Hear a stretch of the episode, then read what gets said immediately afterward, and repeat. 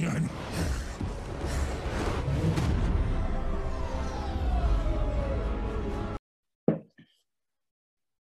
Uh, Oke, okay, welcome back guys, welcome back to our channel. Uh, kembali lagi ya ke edisi kolam barang lagi bersama ini founder dari uh, Warung Pintar ya, Mas. Uh, salam kenal ya, Mas Sofian. Salam kenal, salam kenal. Ya, iya. Mas Sofian ini, ini guys, apa, uh, senior aku dulu pas SMA ya, uh, walaupun beda angkatan kayak gitu. Nah, sebelum masuk ke inti, tak kenal kata saya dulu ya, Mas. Maksudnya gimana, Mas, masuk dunia kripto, Web3, in general itu gimana pertama kali? Ya, sebenarnya perkenalan dengan uh, Web3 ini menarik gitu kan ya. Uh, atau blockchain dulu ya, sebelum disebut Web3 dulu kan kayaknya uh, eranya blockchain gitu kan ya. Jadi pertama kali dengar dengar istilahnya itu di uh, 2016. Ya, 2016. Nah, kalau Bitcoinnya udah lama gitu kan. Tapi kalau teknologinya 2016 itu kebetulan waktu itu kan bikin uh, startup namanya pinjam.co.id. Nah, pinjam kredit kebetulan ada acara namanya uh, fintech apa gitu di Hong Kong gitu kan. Uh, akhirnya datang gitu uh, ke acara ya fintech bla bla bla di Hong Kong gitu kan. Uh, nah, di sana kebetulan ada sek, uh, section tuh ngebahas tentang blockchain. Ya, jadi di sana akhirnya kayak ya ikutan lah gitu kan. Selain ngebahas uh, perkembangan fintech di Asia Tenggara gitu kan. Jadi uh, ikutan juga tuh uh, apa di section yang si blockchain-nya gitu kan karena penasaran. Nah, menariknya di sana uh, ngebahasnya apa ya? Ya lumayan teknis gitu. Uh, bahkan ada satu orang tuh bilang kayak kayak sebenarnya yang paling menarik dari dari blockchain adalah teknologi peer to peer-nya gitu. Uh, dan ternyata mereka ini kalau nggak salah nggak lama dari sana dia bikin uh, dulu nama company-nya apa ya R3 lah anak-anak MIT gitu kan ya uh, dia ngerjain kayak si blockchain gitu kan ya. Nah pulang ke Indo masih bingung juga gitu kan ya. Ini mau diterapin buat apa gitu kan ya. Uh, sampai ketemu satu website tuh lupa uh, lengkapnya gitu kan ya. Intinya kayak uh, apakah kamu membutuhkan blockchain atau enggak gitu. Jadi kayak ada pertanyaan lah. Uh, yes no yes no yes no gitu kan ya. Uh, nah jawabannya ya kayaknya kamu nggak butuh blockchain gitu kan. Jadi kayak yeah. kayak dari website itu menarik gitu kan ya. Nah itu 2016 lah. Udah kayaknya kayak uh, ngobrol juga bersama beberapa teman gitu kan ya. Salah satu yang dulu sering gua ngobrol tuh namanya Gilang Ba Gilang Bagaskara kalau nggak salah ya. ya. Uh, kayaknya lumayan apa ya sampai detik ini kayaknya dia masih di dunia uh, perblockchainan gitu kan ya. Uh, ya. Ini kayaknya nanti di acara uh, nanti atau sebelum gitu kan.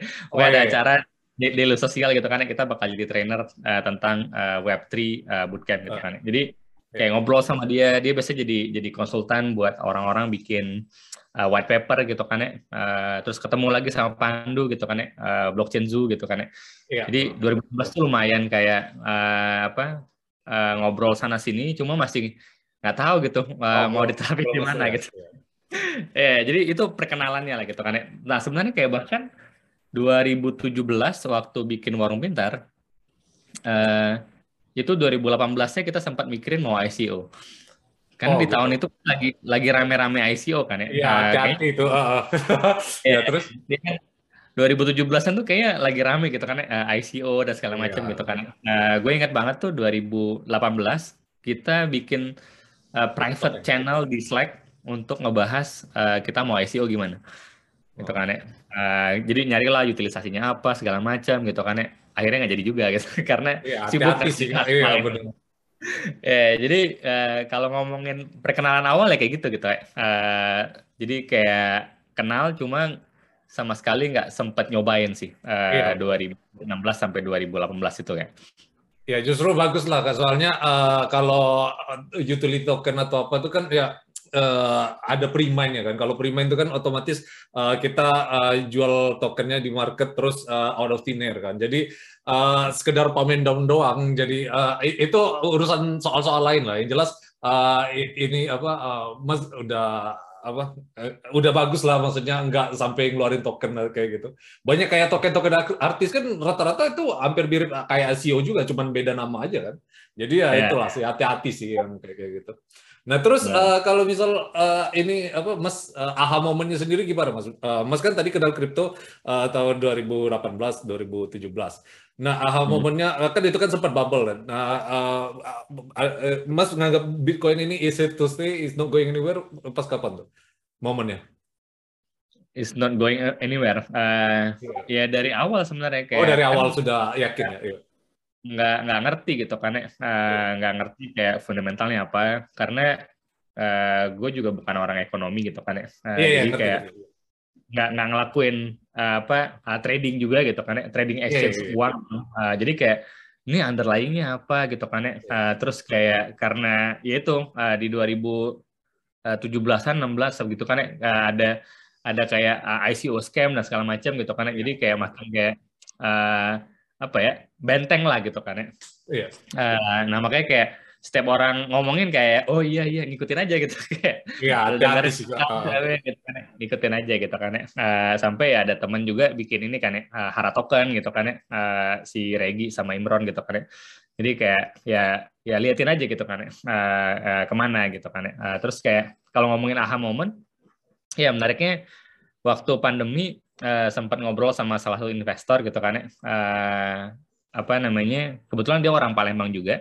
Jadi kayak pas ngobrol-ngobrol tuh kayak dia tuh nanyain kayak, "Sof lu uh, ngikutin tentang uh, NFT nggak?" gitu kan ya. Uh, ya ya dengerin sih gitu kan ya, tapi nggak apa ya, buka-buka gitu kan ya. Kalau liatin di OpenSea dan segala macam gitu kan ya. ya tapi nggak nggak ya gimana-gimana gitu kan ya. Ya, ya ngikutin pembicaraan di di Twitter gitu kan. Ya, terus kayak kayak dia bilang, iya nih, uh, gue nih banyak nih aset aset NFT gitu kan ya. Uh, dan menariknya sekarang itu ada tentang dia share tentang uh, Axie Infinity waktu itu 2020 ya. Oh, iya. 2020 akhir itu dia dia nge-share gitu kan ya tentang Axie Infinity. Nah itu sebenarnya aha momen pertama gitu kan ya kayak wah iya ya uh, blockchain uh, Web3 itu bisa nih uh, mempermudah uh, mekanik buat insentif nya uh, main game, game gitu kan ya. Uh, padahal sebenarnya konsep hal yang sama kayaknya dulu dulu banget gitu kan ya. Uh, bukan kayak aksi lah ya, uh, beda lah kayak uh, kita main game ngasih feedback itu bakal dapat uh, uang gitu kan ya. Uh, gue lupa kayaknya salah satu publisher game di Indonesia Uh, karena waktu itu sempat ngumpul-ngumpul anak-anak Agi gitu kan asosiasi game Indonesia gitu kan ya. Yeah. Nah pas ngelihat aksi Infinity videonya kan super sosial ya gitu kan ya. Uh, oh iya orang-orang orang tua, orang muda gitu kan ya, penjaga warung gitu kan ya, bisa dapat uang nih di saat-saat pandemi gitu kan ya, dengan main game. Jadi kayak sampai dia bikin aksi apa uh, university gitu kan. Jadi kayak ya, kayak oh, ini keren banget gitu kan ya. Kayak oh iya bisa dipakai buat kayak gini gitu kan. Nah itu hal pertama sebenarnya. Hmm. Uh, habis itu nggak lama setelah ngobrol sama salah satu investornya kita gitu kan uh, Warung Bintar, ngobrol sama sesama portfolio gitu ada salah satu teman gitu kan ya yeah. uh, sama nih ngobrol juga kayak iya nih uh, ngomongin hal yang sama uh, apa namanya uh, eh, NFT game gitu uh, jadi kayak wah ini kayaknya ini makin menarik nih gitu kan ya yeah. uh, nah di situ di situ sebenarnya mulai mencoba mencari-cari gitu kan ya terus kayak lagi-lagi bingung tuh kayak ini mau kalau mau praktek di mana gitu. Ya belum Jadi, ada contohnya soalnya belum ada. Iya gitu. Iya. Benar, jadi kayak dulu nyeritain tentang YGG lah segala macam gitu kan ya. Uh, menarik gitu kan ya. Uh, nah sebenarnya terjun banget tuh uh, baru tiga bulan terakhir lah. jadi kayak Maret, Maret itu uh, uh, apa? Karena sebelumnya Februari kan jadi salah satu uh, apa advisor di Altera Academy gitu kan ya. Nah kebetulan ternyata si grupnya ini lagi ada kerjasama gitu sama salah satu uh, e-sport terbesar di Indonesia gitu kan ya, si RRQ. Nah, mereka mau bikin guild gitu kan ya. Nah, jadi ketika ngobrol tuh udah nyambung gitu karena sebelumnya uh, 2020 kan uh, udah udah ngobrol gitu kan ya. Udah udah tahu ada ada ada uh, yang namanya uh, NFT gitu kan ya. Uh, terus abis itu ada NFT game gitu kan ya. Udah nyambung kayak ya udah ditawarin gitu. Kayak soft mau nggak uh, apa eksekusi bareng-bareng nih uh, terkait si RRQ Guild gitu. Nah, dari situ mulai tuh uh, ngulik lebih jauh gitu kan ya ngedalamin gitu kan uh, ini apa segala macam gitu kayak ya, kayak semakin didalamin ternyata semakin kayak wah sebenarnya secara teknologi sangat menarik gitu kan ya uh, uh, apa terlepas dari dari tadi kan ICO turun naiknya si Iya, benar, benar. uh, token gitu kan. Jadi kayak kayak ada scam lah segala macam gitu kan. Jadi Iya. menarik. Nah, saking menariknya tuh kayak coba nontonin beberapa film blockchain gitu kan. ya. Iya, benar. Uh, sampai yang ini nih, yang Oh, yang yang ada apa? tutorial, uh.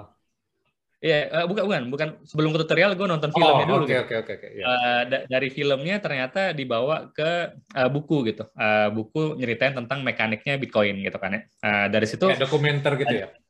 benar benar ya. Eh, terus ada ada satu lagi tuh eh, ada teman gitu kan ya. Eh, kebetulan orang Palembang juga lagi di UK gitu kan ya.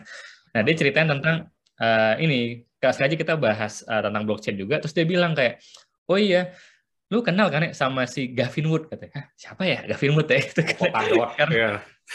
nggak nggak nggak tahu gitu kan ya. Iya, iya, tahu iya. kan uh, Vitalik gitu kan ya uh, Satoshi Nakamoto gitu kan ya. Iya. Uh, jadi kayak siapa ya uh, apa namanya si Gavin Wood gitu kan ya. Terus dia bilang oh itu uh, CTO-nya Ethereum lah. Wah ternyata CTO-nya Ethereum tuh si si uh, Gavin Wood gitu kan ya. Terus Iya, cari-cari ternyata dia bikin uh, Web3 Foundation gitu kan ya. jadi kayak dari situ sebenarnya aha momennya tuh dapat gitu karena karena kayaknya uh, ketika dibawa ke game itu sangat sangat nyata gitu kan ya. Ya. Uh, karena di, di dunia game Belum kita itu pernah uh, dimonetize ya gamenya. Iya, benar. itu satu sama kayak uh, kan gue gamer gitu kan gue gamer dan tahu bahwa ada banyak uh, apa perputaran uang di dunia game sebenarnya Uh, dan anak-anak gamers ini udah biasa buat uh, beli virtual goods. Iya. gitu. Jadi kayak misalnya gue beli skins Dota gitu kan ya. Iya, Uh, mungkin orang yang nggak nggak apa nggak main Dota ih ngapain sih? Iya, uh, Dota itu kan ya. Kan nggak sehari-hari gitu kan ya. Mending beli baju gitu kan benar. Terus kayak apa sih yang nentuin rare item gitu kan ya uh, mythical segala macam gitu kan jadi kayak kayak uh, jadi konsep NFT yang sebelumnya gue nggak terlalu ngeh gitu kan ya ketika dibawa ke game tuh kayak oh iya ya masuk akal ini gitu kayak Asal. Iya, benar. Iya, iya. Nah itu itu aha momennya tuh. Uh, sehingga kayak kayak gue akhirnya memantapkan diri untuk menyelam ini jauh lebih dalam gitu sih. Wes, mantap. Ya, itu jadi uh, aha moment uh, was, mungkin lebih ke NFT gamingnya ya yang bikin mas uh, Ya. aha moment bahwa kripto ini bakal kayak uh, nggak bakal hilang lah intinya. Nah terus uh, ini apa uh, Mas jemput NFT gaming tadi kemarin kan Mas kita sempat ngobrol kan. Uh, terus ada uh, entah udah di disclose apa belum uh, yang sama kerja sama RRQ itu udah belum uh, NFT gaming Apa masih in progress atau gimana? Oh, Eh, sama uh, iya. Ya RRQ Guild kan kita bikin guild ya. Jadi kita Iya, nggak benar. bikin game. Uh, jadi kita bikin guild ya. Harusnya udah publish sih. Uh, website-nya juga udah publish. Terus kayak uh, di apa?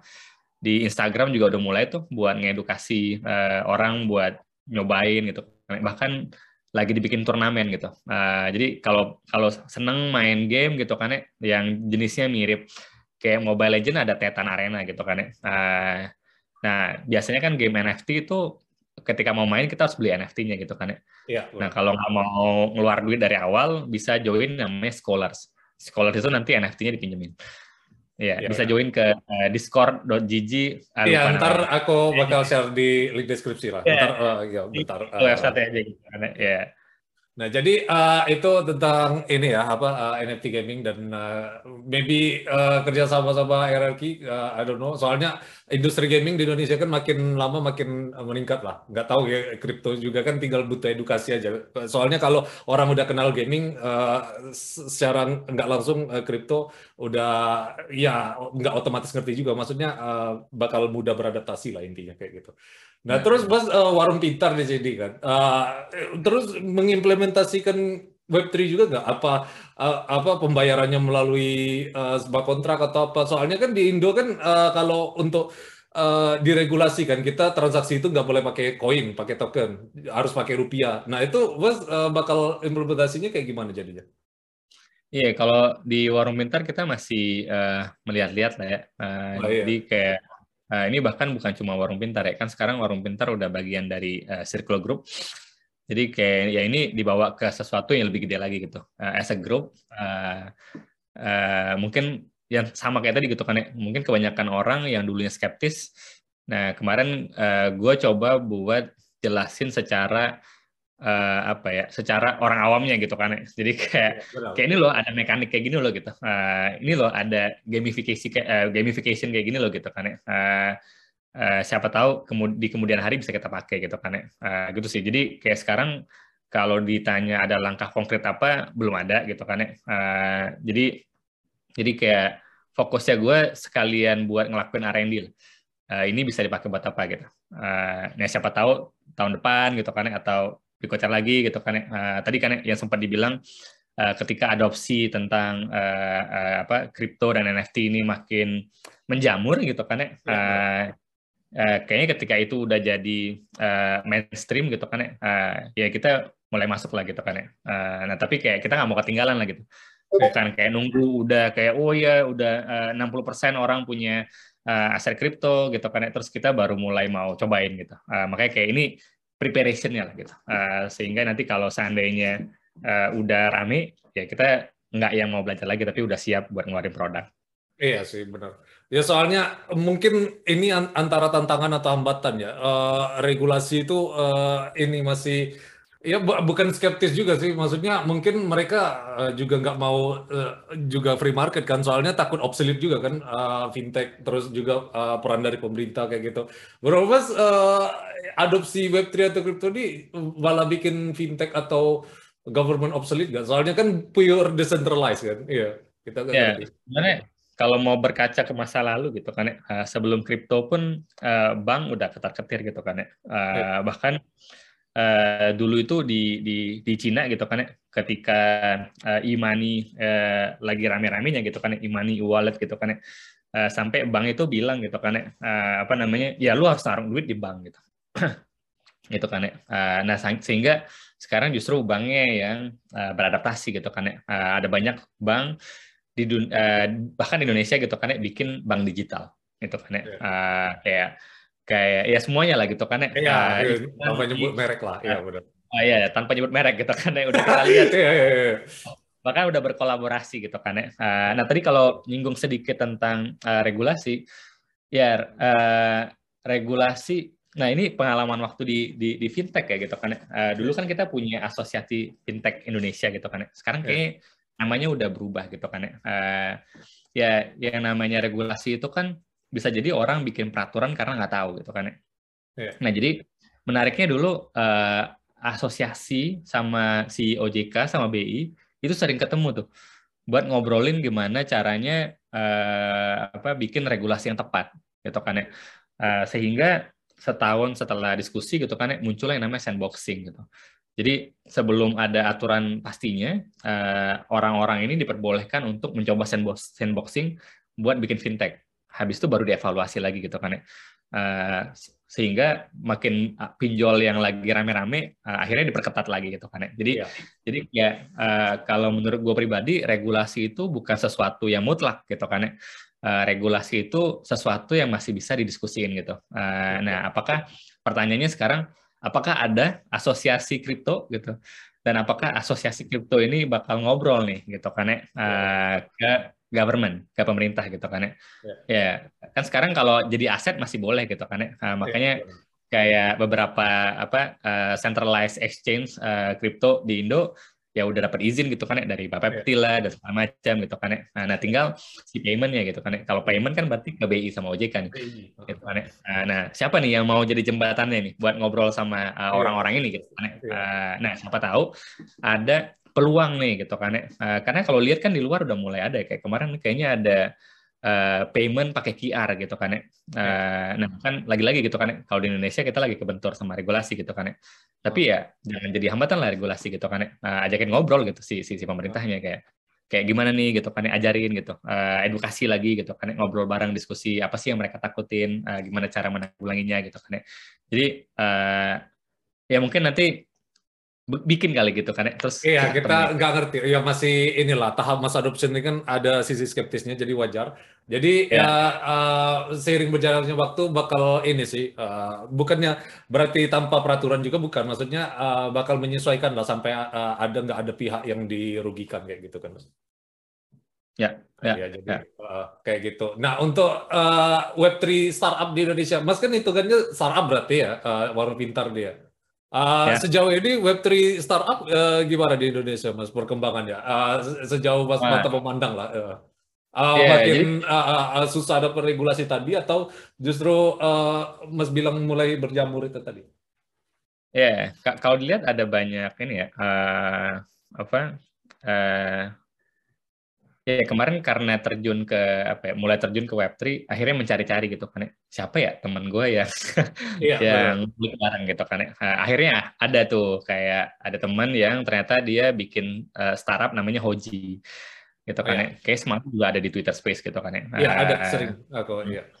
Ya, si si Hoji gitu kan. Ya. Nah, jadi ngobrol juga gitu sama sama Grady sama Tedo gitu kan. Ya. Uh, terus ternyata ada teman lama lagi gitu kan ya uh, apa kemarin kayaknya udah mulai uh, dipublish gitu kan jadi uh, Arif Agate gitu. Uh, dia rela step down dulu buat fokus ke game NFT gitu kan uh, jadi si Arif Agate lagi bikin sesuatu tuh. Kemarin kayaknya di post sama dia tentang Mythic Protocol gitu kan jadi kayak ngeliat nih kok semakin banyak ya teman-teman gue juga yang mulai masuk gitu kan ya kalau kalau dilihat kayak bisa jadi ya ini kayak awal-awal waktu uh, startup di Indo baru mulai lah. Jadi nggak banyak gitu kan. Uh, bahkan biasanya dibilang dulu kayak ya semuanya jadi teman main basket aja gitu.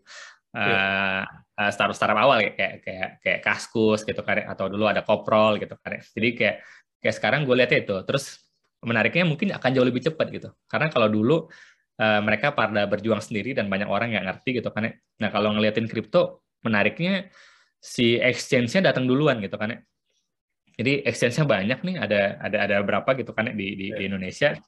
Terus kayak kemarin uh, coba ikutan salah satu acara di Bali gitu, uh, eh, TSBA gitu kan ya. Uh, jadi kayak kolaborasi antara ini nyebut merek gitu kan ya, uh, toko kripto sama uh, BRI Venture gitu. Uh, mereka ngadain acara buat uh, apa ya? Nge, apa nampung startup gitu kan ya, kripto uh, startup. Gitu kan. Jadi jadi kalau dilihat udah mulai orang bisa pitching di sana kayak gitu ya. Nah, orang bisa pitching. Bahkan kemarin akhirnya banyak bertukar pikiran tuh uh, datang yeah. gitu kan ya ke Tihab di Bali gitu kan ya. Jadi kayak, wah di Bali beda banget ya uh, apa namanya ekosistem tentang uh, apa Web3, blockchain gitu kayak yeah. kayak wah banyak gitu kan ya. Uh, jadi kayak nongkrong-nongkrong ngobrol gitu kan ya. Ada beberapa yang bikin bikin ide-idenya gitu kan ya. Uh, ada beberapa nih yang menarik tuh kayak kayak iya Mas kalau beli kan nggak bisa gitu kan ya. Terus gimana? Iya, mereka uh, ada sesuatu di balik layarnya yang kayak dia ngelakuin walletnya gitu. Jadi kayak kayak uh, apa ada hal-hal yang menarik lah gitu kalau kalau dilihat gitu. Karena jadi kayak tadi benar tuh uh, ada regulasi orangnya kreatif aja gitu kan. Uh, buat bikin bisa transaksi. Jadi kalau ngelihat uh, ya hopefully adopsinya makin gede gitu kan uh, adopsi terkait uh, penggunanya gitu kan karena kayak lagi-lagi ketika kita bikin usaha ya paling enak tuh marketnya udah ada gitu kan uh, yang paling berat adalah part buat ngedukasi market gitu kan ya. Uh, contohnya kayak dulu smartphone, kayak orang dari SMS pindah ke BBM itu kan lumayan uh, ya, apa? Lumayan lumayan cukup lama gitu kan ya. Uh, habis itu ya dari BBM baru pindah ke WhatsApp gitu kan ya. Uh, WhatsApp ya. merajalela. Uh, ya, nah jadi itu aja butuh text time lah gitu kan ya. Jadi kayak kayak ya kemarin ini lagi dibahas lagi gitu kan ya. Kayak uh, kira-kira gimana nih si si adopsinya si kripto gitu kan ya. Jadi ya. semakin gede adopsinya nanti semakin banyak juga kayaknya orang yang bakal memanfaatkan memanfaatkan peluang gitu kan ya. Nah, kayak uh, iya kayaknya gue mau masuk deh. Dan dan kalau ini berdasarkan survei ecek-ecek ya gue gitu kan. Iya nggak apa-apa. Uh, iya benar. Karena kemarin lihat ini ya, lihat uh, survei dari Gemini gitu kan ya, bilang bahwa uh, 40% orang di Indonesia besok surveinya Gemini itu punya aset kripto gitu kan ya. Uh, ya. Nah jadi saking menariknya coba juga bikin polling gitu kan di Instagram yeah. gitu walaupun followersnya nggak seberapa gitu kan. Yeah, benar. angka sama gitu.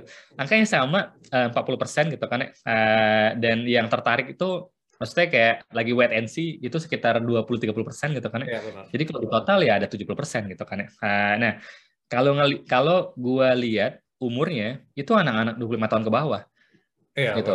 Jadi, jadi ini sangat menarik tuh bisa jadi uh, angkatan gua nih yang iya. udah kepala tiga gitu kan apalagi yang udah masuk kepala empat gitu kan. Bisa ya, jadi kayak kayak alien gitu kan. Ini apa sih gitu kan? Uh, tapi ternyata anak-anak muda sangat welcome gitu uh, dengan si aset kripto ini gitu kan. Walaupun belum gede tuh gitu kan. Uh, tapi mereka kayaknya willingness buat nyobain itu ada gitu. Uh, nah siapa tahu ini bakal jadi makin besar gitu kan uh, sehingga bikin lebih menarik gitu buat buat yeah. orang bikin uh, solusi di uh, Web3.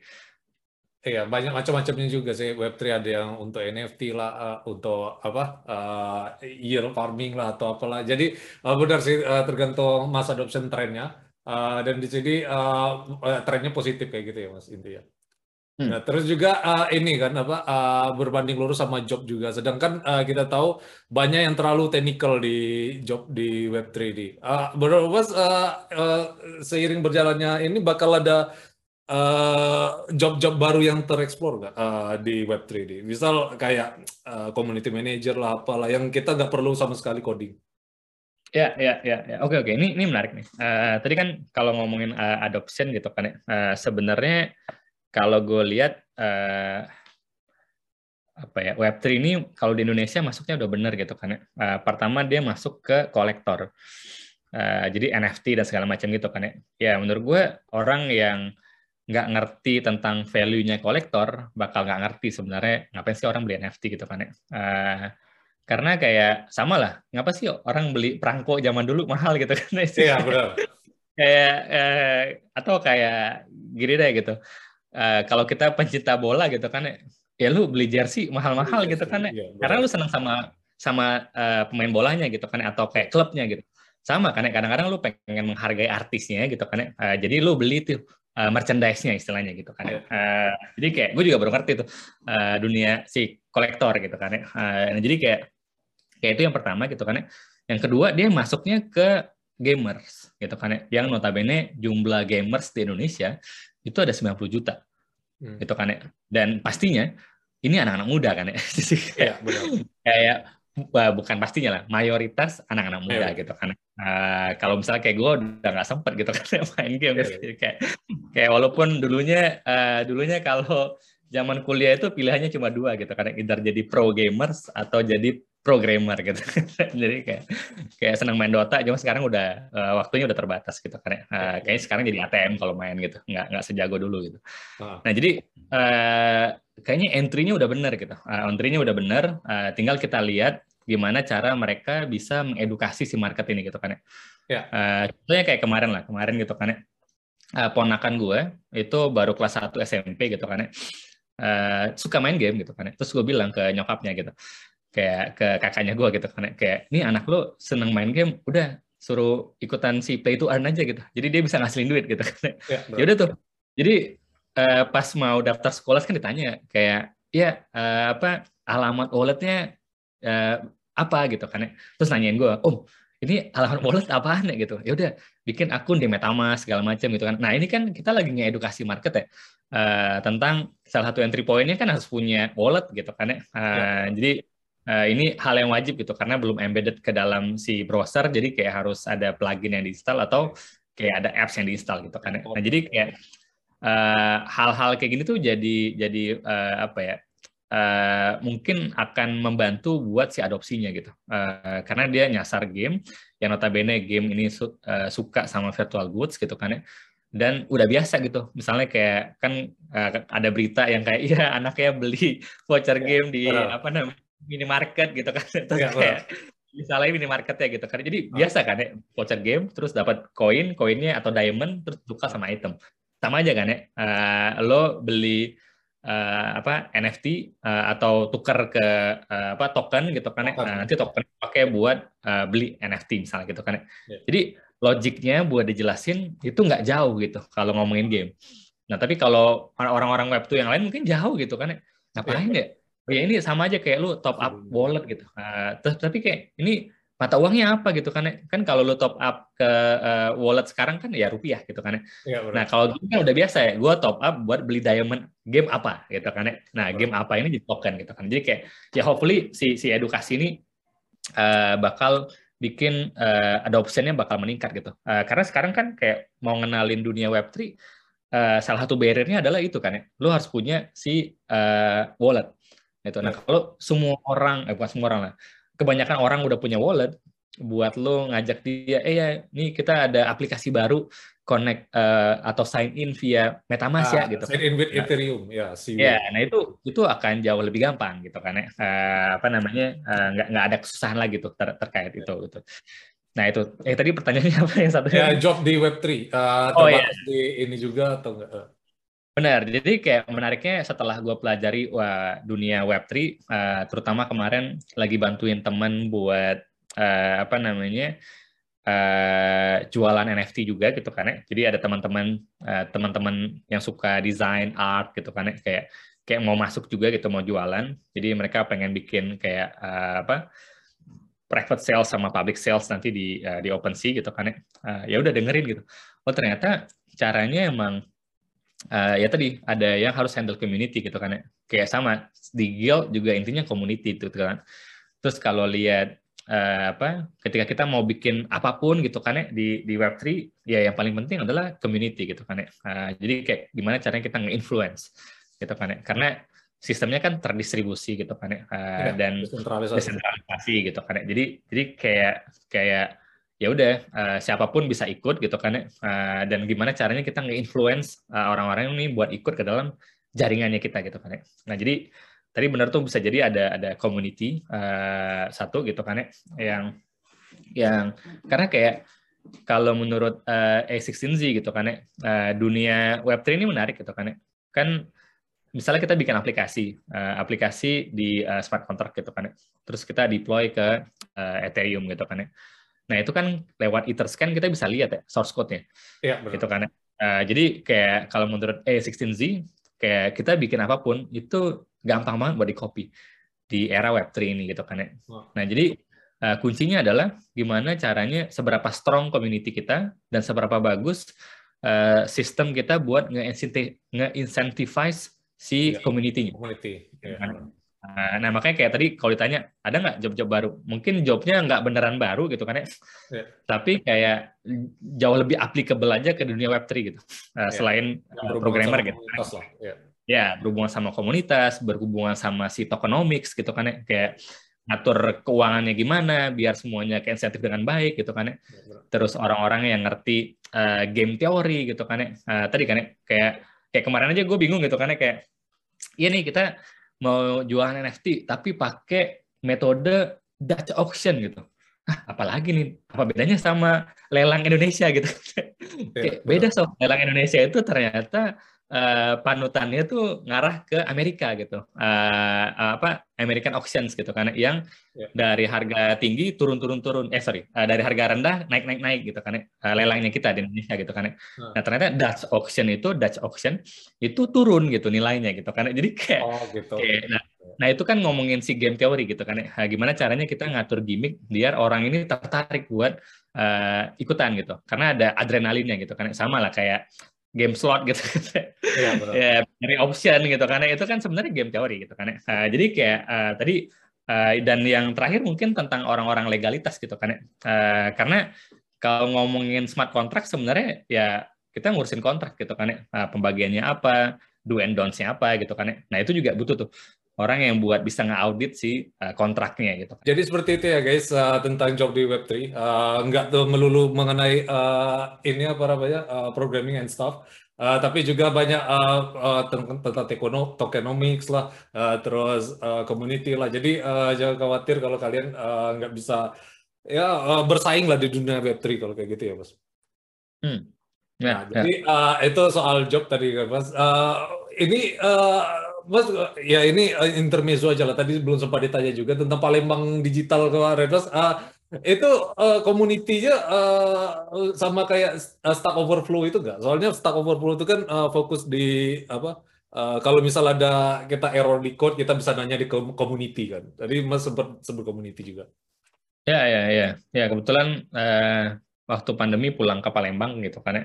Uh, ya. Jadi kayak karena senang banget tuh bikin komunitas di Jakarta gitu. Iya benar. Jadi gue nge-organize si uh, Jakarta JS dulu kan JavaScript terus kayak uh, apa namanya uh, ya ikutan juga gitu. Uh, heboh-hebohan di Python gitu kan Python ID gitu kan terus kayak bantu-bantu uh, di uh, DSI gitu kan Data Science Indonesia gitu kan terakhir ya bikin si deeptech.id itu gitu kan jadi kayak ketika pulang ke Palembang kayaknya menarik nih kalau bikin sesuatu yang yang yang berbau digital gitu kan akhirnya kayak uh, setelah beberapa kali kita coba iterasi yang lumayan sukses si Palembang Digital gitu. Jadi Palembang Digital ini nggak cuma ngebahas tentang uh, coding gitu kan ya, uh, tapi semua tentang digital. Makanya yeah. kayak bulan harusnya kita bakal ada acara. Jadi sama tuh benar juga. Kadang-kadang ada mahasiswa yang nanyain kayak, iya nih lagi nyobain apa error gitu kan. Ada aja ntar yang jawab gitu. Atau kayak dia lagi ada project kan terus projectnya stuck gitu kan ya. Kayak uh, nanti ada aja yang jawab di sana gitu. Jadi karena isinya bukan cuma orang yang domisili di Palembang tapi isinya tuh orang Palembang yang udah sukses juga di dunia digital gitu. Jadi kita masukin juga. Makanya kayak ada yang di Singapura lah ada yang di Qatar lah gitu kan ya. Uh, kita masukin semua itu sana Iya, benar. Jadi uh, hampir sama kayak Stack Overflow itu ya. Maksudnya kalau misal kita ada stuck di coding, uh, community bisa bantu kayak gitu kan. Walaupun ya, apa ya. secara apa uh, gathering belum rutin lah, kan namanya masih baru juga kan. Ya, ya, ya, ya. Ya, udah, sekarang kita lagi uh, uh, uh, udah mulai masuk ke kripto belum? Ya, ini kan uh, baru ini kan kemarin uh, khusus untuk ya programming in general lah. Ya, nah ini uh, bulan depan kayak kita bakal uh, ada pertemuan pertama bakal bahas Web3. Jadi kayak, oh, kayak gue ya? coba mengenalkan Web3 yeah. gitu kan. Uh, yeah. Mulai banyak yang tertarik sebenarnya. Uh, yeah. Kalau ngomongin uh, apa investasi di kripto kayaknya udah mulai banyak gitu. Uh, yeah. Bahkan ada yang ya ya dulu jualan robot lah gitu kan. Yeah, Jadi benar, kayak benar nah sekarang ke Web3-nya beneran tuh. Uh, kalau engineer atau orang pengen bikin solution uh, dApps gitu kan, ada central apps gimana gitu. Yeah. Ini kayaknya bakal kita bikin. Ya sudah ya intinya komunitas sudah mulai masuk ke Web3 kayak gitu ya. Terus oh, ini uh, just your opinion aja Mas. Uh, kemarin kan uh, sempat ada bukan ininya juga ya tandingan sih. Maksudnya ada Web5 kan. Bro, Mas, uh, tadi kan Web3 versus Web4 ini gimana? Apa uh, memang harus uh, kill each other atau uh, dua-duanya bakal coexist kayak gitu? Uh, si si Jack si Jack ini ya? Ah ya, uh, Jack Dorsey. Uh, uh, dia idenya yeah. Web5. Ya, tahu kan, Mas? Ya. Ya, ya, karena kan dia uh, uh, kalau gue lagi nih ya, uh, apa kayak kemarin waktu uh, nontonin si uh, Gavin Wood juga bilang kan ya, nah, dia nyeritain alasan dia uh, keluar dari Ethereum gitu kan ya, karena pengennya tuh uh, harusnya nggak ada satu chain yang uh, yang yang merajalela gitu kan ya, nah, harusnya kayak semua orang tuh kalau ngomongin Web3 beneran ya uh, bisa bikin chain sendiri-sendiri. Dan makanya dia bikin kayak gimana caranya antar chain ini bisa komunikasi gitu kan ya, uh, makanya dia akhirnya bikin si si Polkadot gitu kan ya uh, buat antara chain bisa komunikasi gitu. Jadi kayak semua orang bebas bikin chain nanti chainnya bisa uh, bisa berkomunikasi gitu kan ya. Uh, uh, apa namanya? Nah itu juga menarik gitu kan ya. Nah, jadi kalau uh, ya ketika Jack Dorsey bilang uh, Web 5 bisa jadi uh, kalau kalau yang gue tangkap uh, opininya gue yaitu yeah. uh, ada hal-hal yang dia uh, apa ya menurut dia kudu di fix gitu kan ya. Salah satunya kan yang dia lumayan teriakin si investor gitu kan ya. Kayak ya, kayak oh kok visi masuk ke sini? ya, kan ya. Ya nanti kayaknya jadinya centralized lagi gitu kan ya, ya padahal semangatnya centralized gitu kan ya. Nah, kayak gimana gitu. Nah itu itu kalau gue lihat ya uh, nanti ya kita lihat aja gitu. Apa namanya uh, kan sebenarnya kayak kalau kita lihat pengertian tentang Web3 aja tuh ya beberapa orang tuh mengartikannya lumayan beda-beda gitu. Uh, ya, kayak Kayak ada yang nyebut ya uh, the new internet, ada yang nyebutnya new protokol, ada yang nyebutnya uh, new computing uh, power gitu kan ya. Jadi ada banyak gitu sebenarnya. Jadi sampai detik ini tuh belum ada beneran pengertian sah gitu kan ya. Uh, barang-barang kayak web itu ini gitu kan ya. Jadi kayaknya kalau gue lihat nih para para apa pemukanya gitu para pemuka bukan pemuka agama ya Iya benar benar ya pemuka teknologinya ini masih yes. punya yang sendiri-sendiri gitu kan ya, ya. Uh, belum beneran kayak saklek gitu jadi uh, menurut gue itu masih masih bebas lah gitu. Ada yang kan, tahu sih teknologi. Ada unsur iya. spekulasinya yeah. juga teknologi. Mas pernah dengar yang dotcom bubble dulu kan? Kita kan nggak tahu yeah. Google bakal se segede sekarang kan. Terus uh, Amazon dulu sempat ada bubble juga, yaitu nature dari teknologi lah. Kita nggak ada yang tahu masa depan.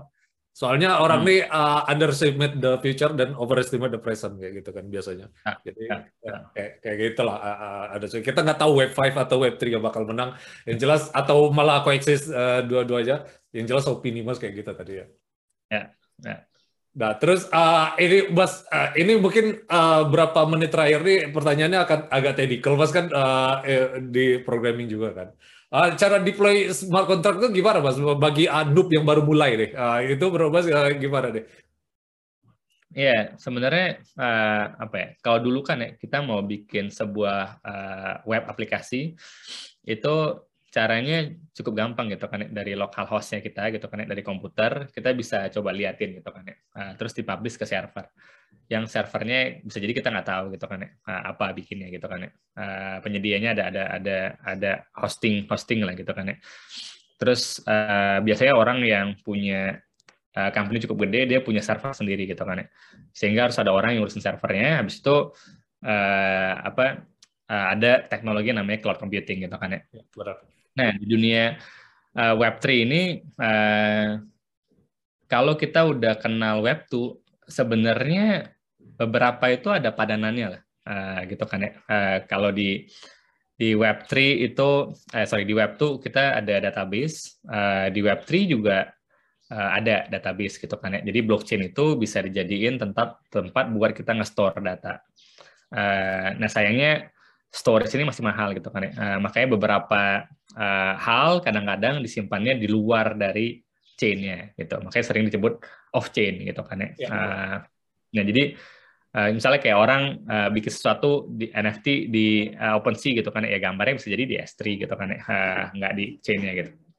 Nah jadi Uh, terus kayak tadi kalau ngomongin storage, uh, nah dulu kan kita buat uh, bikin web lumayan uh, ribet gitu kan ya. Uh, kita butuh SMAPP gitu. Jadi ya. ada AAC-nya gitu kan ya. Ya ada ada apanya segala macam gitu kan ya. Uh, terus teknologinya makin canggih tuh. Uh, ada JS yang kita bisa pakai JS doang tuh udah bisa bikin web server gitu kan ya. Golang juga bisa bikin server gitu kan ya. Nah, di, di Web3 uh, eh, mirip dengan kayak kalau pernah dengar istilah serverless, uh, Lambda gitu kan ya, kalau di AWS yeah. atau Google Function gitu kan ya. Nah, itu uh, kita cukup bikin uh, kode gitu kan ya. Uh, kodenya nanti bahasanya pakai Solidity gitu kan ya. Yeah. Ya. Uh, kita bisa tulis uh, apa namanya si aplikasi kita mau seperti apa. Ini untuk di backend-nya gitu kan ya. Uh, aplikasi kita seperti apa. Uh, terus kita bisa uh, deploy si code kita itu ke dalam blockchain. Ya, bro. Nah, ada, ada banyak toolsnya, ada Travel, ada uh, Hard Hat gitu kan ya, uh, buat uh, apa namanya si uh, apa ya alat buat kita smart contractnya nanti di deploy gitu. Uh, ada ada tesnya dan segala macam gitu kan ya. Nah, jadi beberapa hal itu dulu. Ketika kita tahu tentang ada storage, ada uh, logical uh, computing engine gitu kan ya. Nah itu uh, ketika kita bikin kodenya Eh, bakal tersimpan di sana dan bakal ke compute. Nah, menariknya ketika kita udah deploy, itu langsung terbentuk yang namanya API-nya kalau bahasanya Web2 gitu kan ya. Iya. Jadi kita, kita bikin function nih di di Solidity gitu kan ya. Uh, dia inputnya apa, uh, bakal return apa gitu kan ya. Uh, nah itu ketika kita deploy uh, ke uh, ke blockchain, ini kita ngomonginnya uh, EVM ya. Uh, mungkin Solana bakal beda gitu kan. Jadi ya, kayak bener. ini uh konteksnya EVM ya, uh, Ethereum uh, virtual machine gitu kan. EVM compatible. Uh, mau itu Ethereum, mau itu Binance gitu kan. Segala sesuatu yang uh, ya apa Ethereum compatible gitu kan. Nah, nah jadi uh, apa namanya? Uh, jadi langsung keluar tuh namanya ABI bukan API gitu. Jadi namanya ABI gitu kan. Nah, nanti si ABI ini uh, kita bisa pakai buat taruh di front end-nya di either pakai React, pakai Vue.js gitu kan. Ada beberapa library yang udah uh, dibikin untuk berkomunikasi tuh uh, dengan si AB-nya buat ngobrol uh, ke uh, chain-nya gitu kan ya. Nah, ada ada RJS, ada Web3.js gitu kan ya. Nah, nanti uh, AB-nya itu bakal dimasukin ke dalam uh, salah satu uh, apa namanya library gitu kan ya. Uh, nah, itu nanti si website kita bisa komunikasi tuh uh, sama di uh, aplikasi yang kita deploy ke uh, Ethereum. Gitu sih. Walaupun serverless ini apa masih bergantung sama AWS nggak, Bos? Berarti? Nggak, uh, nggak. Jadi enggak. Uh, yang bakal execute itu ya node-node-nya si uh, Ya node-nya itu kan ada di AWS kan. Uh, if I'm not mistaken enggak, Oh, enggak enggak sama sekali. Oh. Enggak, enggak mesti. Jadi kayak ya itu semua orang yang tergabung dalam nodes buat nge-execute uh, atau ngevalidasi uh, hash dari uh, et, apa EVM tadi gitu kan ya. Jadi yeah. jadi ya, ya makanya kayak nah menariknya tuh ketika mau deploy uh, apa namanya? Kan kalau nunggu apa ya? Kalau mau baca gitu kan ya, kita mau read API uh, ada beberapa company yang nyediain kayak AWS-nya tuh. Yeah. Jadi dia punya node, uh, misalnya kayak kita mau pakai Ethereum gitu kan ya, dia punya node Ethereum yang kan semua data bakal di copy gitu kan ya ke semua yeah, node gitu.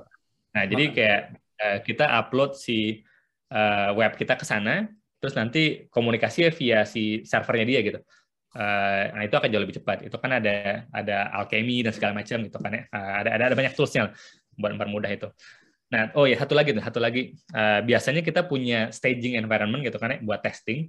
Uh, Nah, kalau di apa namanya di dunia Web3 ada namanya testnet gitu kan ya. Jadi ah, benar. Nah, ke mainnet gitu kan ya. Kayak testnet. kemarin Spadina di Ethereum, ya benar. Terus? Ya. Jadi kita bisa deploy ke testnet kan OpenSea juga punya tuh testnetnya gitu kan ya. ya. Uh, jadi itu kayak stagingnya gitu atau hmm. kalau biasa connect ke API-nya bank itu namanya sandboxing gitu kan ya. Jadi ya. kayak kayak kita punya testnet tuh buat testing-testing. Nah, setiap kali mau deploy biasanya butuh uh, gas fee. Ya, benar. Gitu. Uh, nah, uh, di testnet kita bisa dapetin uh, apa ringkebi gitu kan ya atau uh, apa tuh banyak tuh sebenarnya. Uh, kalau gue pakainya ring, ringkebi gitu kan ya. Nah, kita bisa minta-minta tuh. Minta yeah. di Twitter, minta di Discord atau ada ada uh, website-nya kita buat klik uh, nanti dapatlah 0,01 gitu kan ya. Uh, itu cukup tuh buat coba deploy ke ke ke, ke Ethereum testnet gitu. Ya, jadi ya itu uh, tentang uh, cara deploy. Uh, mungkin yang baru di sini uh, mungkin terlalu teknikal tadi uh, bisa inilah apa uh, seenggaknya pelajari dulu di awal uh, biar tadi nggak terlalu teknikal juga yang jelas uh, kalian uh, tahu lah step by stepnya tuh kayak gimana kayak gitu ya mas. Hmm, hmm. Nah terus mas ini kan dia ini kan tadi udah deploy semua kontrak juga. Uh, terus menentukan blockchainnya itu yang mana juga gimana mas? Uh, ini kan banyak. Uh, ada interoperability lah, ada Polkadot lah, Solana, yang apa dia tuh nggak yang Mas bilang tadi uh, terpusat di Ethereum. Ya, iya ya. Kalau uh, iya, jadi ya ada ada yang beda chain gitu kan. Uh, jadi ada ada ya tadi kan Solana sama Ethereum beda gitu kan. Yeah. Nah kalau Bitcoin kan nggak uh, bisa gitu kan. Uh, ya, kita bisa programmable udah stuck di situ aja kayak digital gold ya, gitu. Jadi Padahal sebenarnya cikal bakalnya ada. Uh, jadi di dalam Bitcoin itu udah ada cikal bakal buat ngerunning script sebenarnya. Uh, eh, yeah. Tapi dia belum Turing complete gitu. Turing complete itu ada istilah di programming gitu, kayak yeah. bisa ngelakuin apa aja gitu kan. Ya. Nah ternyata yeah. waktu di Bitcoin bisa, cuma terbatas gitu kan. Uh, nah yang coba ngelengkapin itu si Ethereum pertama kali gitu kan ya. Jadi kayak Ethereum bikin bahwa oh iya yeah, uh, dibikin Turing complete gitu kan ya. Jadi kita bisa nge-execute hal-hal gitu di, di di dalamnya gitu kan ya. Nah, uh, kemudian kayak ada orang yang lihat kayak, wah kalau di Ethereum lama nih gitu kan ya, uh, kayak kita bisa mempercepat itu gitu kan ya. Nah muncullah beberapa hal gitu kan ya. Salah satu yang terkenal ya Solana gitu kan ya. Uh, tapi ya itu uh, apa mereka ini punya karakteristik masing-masing lah gitu. Nah tadi ya. kalau tanya nentuin ya kita balik lagi gitu kan ya. Si audiensnya kita siapa? Oh oke. Okay. Gitu. Ya. Sama lah kayak misalnya uh, gue nih, gue misalnya uh, kalau mau bikin aplikasi, gue bakal ke Play Store atau ke App Store oh, atau iya. kedua-duanya gitu kan ya. Iya. Nah, kita lihat lah audiensnya. Kayak misalnya contohnya Warung Pintar gitu kan ya. Warung Pintar sampai detik ini cuma ada di Android gitu. Oh, iya. Karena kita ngeliat kayak, kayaknya uh, di iOS ya jarang ya penjaga warung punya iOS. Ada cuma jarang iya. gitu kan ya. Uh, mayoritas di Android. Ya udah kita ke audiensnya kita gitu. Uh, jadi kita fokusnya ke Android aja gitu kan ya. Ya. Walaupun secara teknologi kita gitu kan. Ya, nah jadi kayak tadi kalau ditanya ya bakal lihat tuh satu ngelihat audiensnya kita di mana. Kalau kita mau deploy sesuatu, uh, misalnya kayak uh, eh, NFT gitu kan ya. Kalau targetnya adalah OpenSea ya mau nggak mau ke EVM compatible gitu kan ya. ya. Uh, terus kayak ya apa pun yang disupport sama si OpenSea kan kita bisa lihat ya uh, apa aja gitu kan ya. Ya ini support sama OpenSea gitu kan ya. Uh, nah kalau kayak misalnya kayak kemarin kita yang lihat ngelihat satu audiensnya, kedua yang ngeliatin si uh, gas fee-nya gitu kan. Iya. Uh, jadi ada gitu kan. affordable juga ya, iya benar. Ya, uh, ngelihat cost-nya, terus ngelihat uh, ya si komputasinya gitu kan ya. Uh, terus yang terakhir ya ngelihat ada nggak uh, engineer yang tersedia gitu kan ya, uh, buat di sana. Jadi kayak ya. kemarin contohnya kita mau nyari Solana, oh susah juga gitu kan ya. Kayaknya ya. lebih gampang nyari orang yang bisa solidity gitu kan ya. Uh, ya. Jadi kayak uh, akhirnya kemarin kita di di keluarganya si Ethereum tuh, uh, tapi di L2-nya karena jauh lebih uh, murah gitu kan ya di, di Polygon gitu kan ya. Iya. Terus juga ya ini bukan menjelekkan atau apa ya, ya fakta aja kemarin pas uh, ya kita juga tahu beritanya Solana kan sering down servernya terus nggak bisa transaksi jadinya. Uh, jadi ya itu sih apa tergantung ininya juga sih apa keadaan dari blockchainnya juga sih kan mas. Betul betul. Ya. Terus uh, ini uh, just your opinion lagi mas, uh, mas lebih prefer L1 atau L2? Maksudnya uh, ya. ada plus minus ya di antara itu atau mas uh, prefer L, uh, layer 1 atau layer 2? Ya, sekarang sih kalau kalau masih bisa di L2 bakal di L2 gitu kan. Kan kita harus support uh, si scalability-nya. Iya, uh, interoperable ya. Ya, ya Ethereum gitu kan ya. Karena si L1 tuh udah penuh banget gitu kan ya. Kalau kita tambahin nanti jadi makin lama gitu kan ya. Jadi kayak mending kita ke L2 aja gitu. Uh, toh L2 itu kan emang didesain buat uh, biar si, si Ethereum ini jauh lebih scalable gitu kan. Iya. Gitu sih. Iya, jadi itu Mas lebih prefer L2 ya. Jadi, nah yeah. terus uh, uh, ini terakhir sebelum ya karena Mas uh, tadi udah deploy smart contract juga kan. Terus uh, problemnya sendiri dalam uh, mungkin nggak cuma deploy sih, secara holistik uh, menurut Mas uh, smart contract ini problemnya di mana sejauh ini Mas? Iya, yeah, kadang-kadang ini satu uh, ya kalau ngomongin IDE udah ada support lah bahkan ada si Remix itu kan ya dan kita bisa yeah. ngitung lah gas fee-nya berapa gitu kan ya yeah. dan menariknya si Remix ini uh, apa ya ya kita nggak butuh bikin front end buat berinteraksi dengan si smart contract-nya kita gitu kan ya uh, jadi kayak bisa pakai kalau di Ethereum bisa pakai Etherscan gitu kan ya uh, biasa di Etherscan nanti ada tuh kalau kita mau berinteraksi sama si smart contract-nya kita. Atau sebelum sebelum ke Ethereum ya bisa pakai si Remix gitu kan ya uh, si si IDE-nya gitu kan ya. Uh, terus, nah kalau kalau problem uh, waktu waktu gue dari web 2 ke web 3 gitu kan ya, uh, ya pertama harus belajar dulu gitu kan ya, uh, transisi ya, ya. Uh, sintaks sintaks di solidity gitu kan ya, uh, walaupun kalau dilihat nggak sesusah itu sih gitu kan ya, ya, beda ya. ya.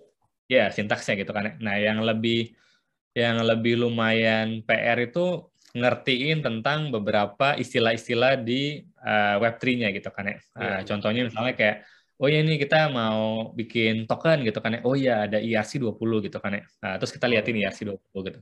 Uh, terus kayak ada uh, metodenya kan kayak OOP ya. Kita bisa extend gitu kan ya. Jadi kayak uh, sebenarnya nyari tahu gimana caranya bikin kalau bahasanya anak-anak tuh clean arsitektur gitu. Uh, jadi kayak gimana gitu kan ya ngebagi foldernya gitu kan ya uh, apa ngebagi apa ya kan ada yang bikin satu file semua logic code di situ gitu kan ya. Uh, nah tapi ternyata ada kan caranya kita bisa bikin interface, kita bisa nge-extend gitu kan ya. Uh, jadi kayak ada anaknya gitu kan ya. Jadi ada teknik-teknik yang yang sebenarnya uh, OOP gitu kan ya. Uh, kita bisa pakai nih di, di di Solidity gitu. Jadi ketika belajar tuh belajar sih ternyata ada istilah-istilah payable gitu kan ya ada istilah-istilah uh, eksternal gitu kan ya. internal private gitu kan ya nah sama ya itu gimana caranya bikin uh, gas fee-nya tuh jauh lebih hemat gitu yeah. kan ya karena setiap hal kalau kita mau setiap kali kita mau nulis ke blockchain itu kan ada cost-nya gitu kan ya. Yeah, nah kalau kita Eh, nggak uh, pinter-pinter gitu kan ya ngedesain uh, berapa banyak dia bakal makan uh, apa memori dan segala macam gitu kan ya. Yeah. Nah itu bakal PR. Jadi kita harus tahu yeah. kapan ini global variable, kapan ini uh, internal variable, kapan ini private, kapan ini memori, apakah yeah. ini sesuatu yang harus persisten disimpan gitu kan. Nah itu itu satu hal yang yang dulu kayak coba-coba aja gitu kan kayak lah kok uh, lumayan gede gitu kan ya. Nah, oh iya ternyata bisa dibaca gitu kan ya. Bahkan ada orang yang bikin kalau di NFT gitu kan ya, dia mau ada 5000 NFT gitu. Uh, gimana caranya? Oh iya ada teknik namanya Merkle tree gitu kan ya. Uh, yeah. Jadi uh, jadi satu gitu kan uh, baru dikomput ke atas gitu. Jadi yeah, jauh lebih murah. Jadi hal-hal kayak gitu tuh ternyata uh, ya harus sering baca gitu kan ya. Terus yeah. yang terakhir tuh security gitu kan ya. Hmm. Uh, ternyata menariknya di Solidity itu udah ada yang namanya ACL. ACL tuh uh, kayak apa ya kayak uh, akses kontrol gitu uh, jadi kayak jadi ada kita bisa bikin uh, kayak kayak override gitu kan ya jadi misalnya owner only gitu Uh, jadi yang bisa nge-secure itu cuma owner only. Jadi bakal dilihat si addressnya owner atau bukan yang secure gitu kan ya. Nah hal-hal kayak gitu uh, lumayan tuh. Uh, nah sama kemarin-kemarin ini ya lagi baca ini ya, lagi baca uh, apa beberapa security flaws gitu kan uh, flaws di uh, di smart contract gitu kan ya. Uh, terutama kayak tadi tuh ada yang uh, reentrance gitu. Reentrance tuh kan kadang-kadang kita bikin uh, misalnya kayak buat uh, tokennya satu smart contract gitu kan ya. Nanti buat NFT-nya uh, another smart contract gitu kan ya. Yeah. Nah, nanti dua NF dua si uh, smart contract ini bakal berinteraksi gitu kan ya. Nah, ternyata kan kadang-kadang ketika kita mau panggil tuh ada delay tuh. Ada delay dulu uh, sebelum uh, ke eksekusi gitu kan ya. Nah, ya. kadang-kadang si delay ini itu bisa dimanfaatin orang gitu. Uh, nah, caranya ya udah banyak tuh uh, caranya. Jadi kayak di-exploit lah kemarin ya, kontrak ya. ya. Nah, ya, kayak, kayak nyobain sama bacain tuh orang tuh kena di mana aja kan gitu kan. Iya, itu hati-hati ya. sih. Duit orang juga kan itu di dalamnya. Jadi hati-hati lah kalau exploit ya. kontrak gitu makanya kayak harus di, diperhatiin tuh tadi kan ya, kayak siapa yang bisa execute terus kayak modularity gitu kan ya terus kayak tadi tuh beberapa hal tentang uh, security gitu kan ya uh, terus sama uh, apa namanya uh, ya tadi ya si, si gas fee-nya gitu kan uh, jangan lupa uh, terakhir itu uh, kalau tadi security udah uh, eh, ini juga apa namanya kan sesuatu yang di deploy itu bakal immutable gitu kan ya Ya, benar. Nah, ya ada teknik buat upgradable gitu. Nah, upgradable-nya itu dengan tadi kayak kita bisa misahin antara core sama uh, hal yang lain gitu. Istilahnya kalau di di dunia web tuh kita nyebutnya hexagonal arsitektur gitu kan ya. Uh, ya. Jadi bisa-bisa tuh uh, di interaksinya nanti via si uh, address-nya gitu kan ya. Uh, ya. Jadi kita bisa upgrade nanti address-nya kayak backend address itu jadi apa gitu. Uh, front end-nya bakal tetap misalnya gitu kan ya. Jadi uh, ya apa ya kalau yang langsung terjun ke Web3 ya sebisa mungkin coba belajar lagi gitu kan. Ya, ya. kalau anak-anak Web tuh sebenarnya beberapa ya beberapa best practice-nya anak-anak Web tuh sebenarnya ada juga nih di Web3 gitu kan ya. kayak testing tadi gitu kan ya dan segala macam sih itu ya kalau bisa ke testnet dulu baru ke mainnet gitu kan ya. Iya baru ya biar nggak uh, maintaining high cost terus uh, sama uh, kejadian yang uh, mismanage tadi ya mas kayak gitu. Iya lokal juga bisa sih lokal juga bisa. Kemarin akhirnya uh, pas nyari-nyari oh bisa kita bisa bikin kayak uh, EVM mesin di di apa di lokal komputer kita sendiri gitu. Jadi oh, buat coba-coba gitu. Ya sebelum ke testnet setelah oh, testnet baru. baru ya. Ya, jadi, ya, jadi ada tiga ya guys. Uh, mungkin agak terlalu technical. Yang jelas uh, ini uh, gambaran umum lah. Kalau kalian pengen tahu uh, masuk ke developing uh, problem atau uh, enggak ya bisa kalian decide sendiri mengenai semua kontrak kayak gitu ya. Nah terus uh, ini terakhir mas sebenarnya tadi just for fun of financial advice. Mas Bitcoin ke arah mana nih? Apa ini masih dalam bull marketnya atau uh, dua tahun ke depan lah? Uh, Bos punya target nggak? Bitcoin ke harga berapa? Ethereum ke harga berapa? Iya. Yeah. Just for fun, just for fun, siapa sih ya? Ya, kalau gue bilang ya uh, sekarang tuh lagi terjadi correction gitu kan ya, karena yeah, benar, benar. Uh, keadaan dunia juga lagi nggak baik-baik aja gitu kan ya. Yeah, uh, kalau gue bisa tebak-tebak ma gua, buah manggis. Iya, gitu, nggak kan, apa-apa, just for fun, just for fun. Yeah. Kayaknya tahun depan bakal naik lagi deh uh, setelah yeah, winter gitu kan. Uh, bisa naik lagi gitu kan ya. Kan kita lihat sebenarnya turun naiknya bakal mirip-mirip aja gitu kan ya. Yeah, Kalau Ethereum mungkin bakal naik juga gitu karena semakin yeah. banyak orang yang pakai sidapsnya gitu kan ya, uh, utilisasinya makin gede kan ya. Yeah. Gitu. Ke, ke harga mana nggak ada uh, oh. apa Bitcoin seratus ribu lah atau Ethereum dua puluh ribu lah. Uh. Enggak, enggak. Bitcoin bakal tetap di di sekarang kan 200 something ya. Uh, kayak mungkin bakal di 500-an gitu kan ya. Uh, yeah, kalau Ethereum balik ke 20 30-an gitu. Uh, sekarang kan 16 17 ya. Iya. Yeah. Bukan tadi maksudnya eh, seratus uh, ribu dolar apa? Iya, dua puluh ribu dolar. Iya, ya. kayak gitu sih. Yeah. Kalau ditranslate ke dolar berapa tuh? Gue biasanya Iya benar ya. Jadi ya sekitaran itu lah. Ya jelas uh, mas uh, masih positif lah di beberapa tahun ke depan kayak gitu intinya. Ya. Ya udah. Uh, mungkin that's it for today. Thank you Mas atas waktunya. Sukses terus untuk karirnya and leave a like and subscribe to our